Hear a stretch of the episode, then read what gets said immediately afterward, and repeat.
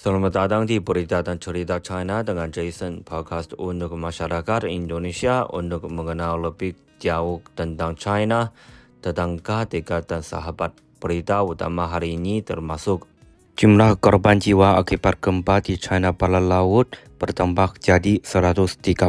Tim ahli medis dikirim ke Gansu yang diguncang gempa bumi. China aktifkan tanggap darurat level 4 untuk gempa bumi di Provinsi Gansu. Xi Jinping desak upaya pencarian, penyelamatan dan bantuan maksimal pasca gempa magnitudo 6,2 di Gansu, China. Kapal pengembang laut pertama buatan China mulai uji coba pelayaran.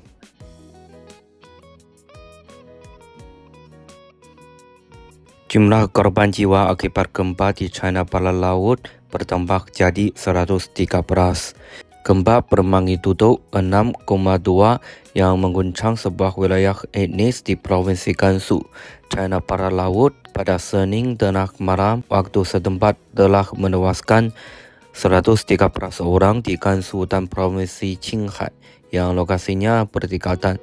Menurut Pusat Jaringan Gempa Bumi China, China Earthquake Network Center, gempa itu terjadi pada Senin pukul 23.59 waktu setempat dan memiliki kedalaman fokus 10 km. Pusat gempa itu berlokasi di Liukou yang berjarak sekitar 8 km dari pusat wilayah di prefektur otonom etnis Hui Linxia di Gansu. Sejumlah saksi mata mengatakan bahawa gempa telah menyebabkan kerusakan barang rumah, jalanan dan infrastruktur lainnya. Beberapa desa juga mengalami pemadaman listrik dan gangguan air. Menurut otoritas meteorologi setempat, suhu terendah harian di Jishishan dilaporkan mencapai minus 10 derajat Celsius pada Selasa. Departemen Pemadam Kebakaran dan Penyelamatan Provinsi itu telah mengerahkan 580 petugas penyelamat yang didukung oleh 88 kendaraan pemadam kebakaran, 12 ekor anjing pencarian dan penyelamatan serta lebih dari 10.000 set peralatan ke area bencana.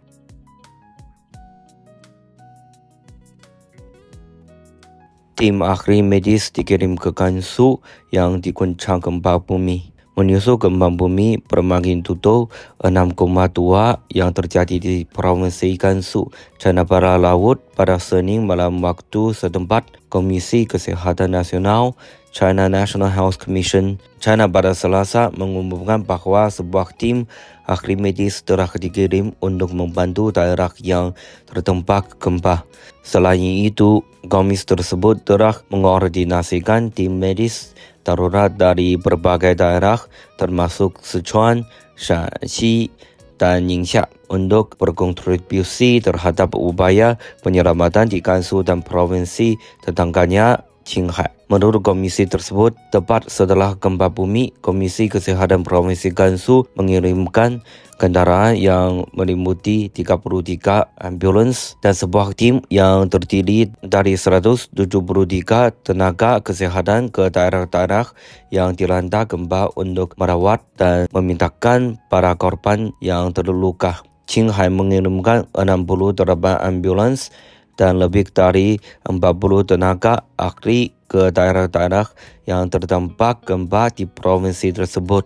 Hingga selasa pukul 6.30 pagi waktu setempat, lebih dari 300 orang yang terluka di daerah-daerah yang dilanda gempa bumi tersebut telah dipindahkan untuk mendapatkan perawatan kata komisi itu. Lebih lanjut, komisi tersebut menekankan komitmennya untuk mengerahkan lebih banyak pasukan penyelamat medis jika diperlukan, memastikan keamanan dan keselamatan masyarakat di daerah-daerah yang terdampak bencana semaksimum mungkin.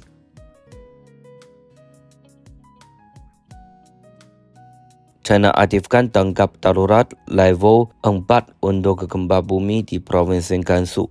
Komisi Nasional China untuk Pencegahan, Pengurangan dan Bantuan Bencana berserta Kementerian Manajemen Kedaruratan China telah mengaktifkan tanggap darurat bantuan bencana level 4 pasca gempa bermagnitudo 6,2 yang menguncang wilayah Haji Shishan Provinsi Gansu, China Barat Laut pada Senin tengah malam waktu setempat. Sebuah tim kerja telah dikerahkan ke daerah-daerah yang terdampak guna menilai dampak bencana dan memberikan bantuan untuk operasi bantuan setempat. Bekerjasama dengan Administrasi Pangan dan Cadangan Strategis Nasional, China Food and Strategic Reserves Administration, China, kedua departemen tersebut telah mengalokasikan pasukan bantuan bencana ke provinsi itu. Pasukan bantuan tersebut meliputi tanda keduan, mantau, selimut, dan ranjang lipat.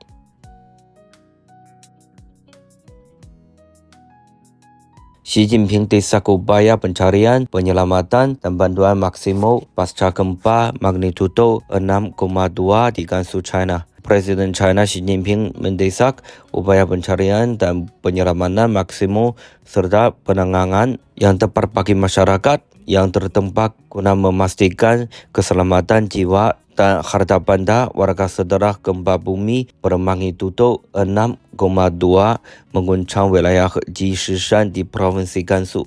China Barat Laut pada Senin tengah malam. Xi menyuruhkan pemerintah setempat untuk menyelamatkan dan merawat orang-orang yang terluka secara tepat waktu guna meminimalkan korban jiwa serta memantau dengan cermat situasi gempa bumi dan perubahan cuaca demi mencegah bencana susulan. Presiden China itu juga mendesak alokasi pasukan bantuan ke daerah-daerah yang terdampak sesegera mungkin perbaikan infrastruktur yang rusak seperti infrastruktur, kelistrikan, komunikasi, transportasi, dan pemanas serta akomodasi yang layak bagi masyarakat yang terdampak demi menjamin kebutuhan hidup dasar mereka.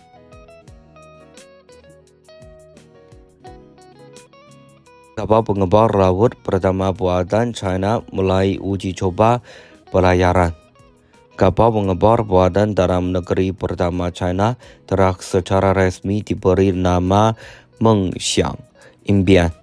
Kapal ini memulai uji coba pelayarannya pada Senin, menandai sebuah pencapaian di bidang eksplorasi sumber daya laut dalam di negara tersebut dengan panjang 179,8 meter dan lebar 32,8 meter. Kapal itu mampu menempuh jarak 15.000 mil laut atau 27.780 km dan bertahan selama 120 hari tanpa kembali ke pelabuhan. Kapal tersebut dengan stabilitas dan kekuatan struktural yang tinggi dapat beroperasi di wilayah navigasi tak terbatas di seluruh dunia dan melakukan pengeboran sedalam 11.000 meter di laut. Memiliki kapasitas pengeboran kelautan yang terdepan di dunia, Mengxiang akan menembus kerak bumi hingga ke lapisan atas mantel bumi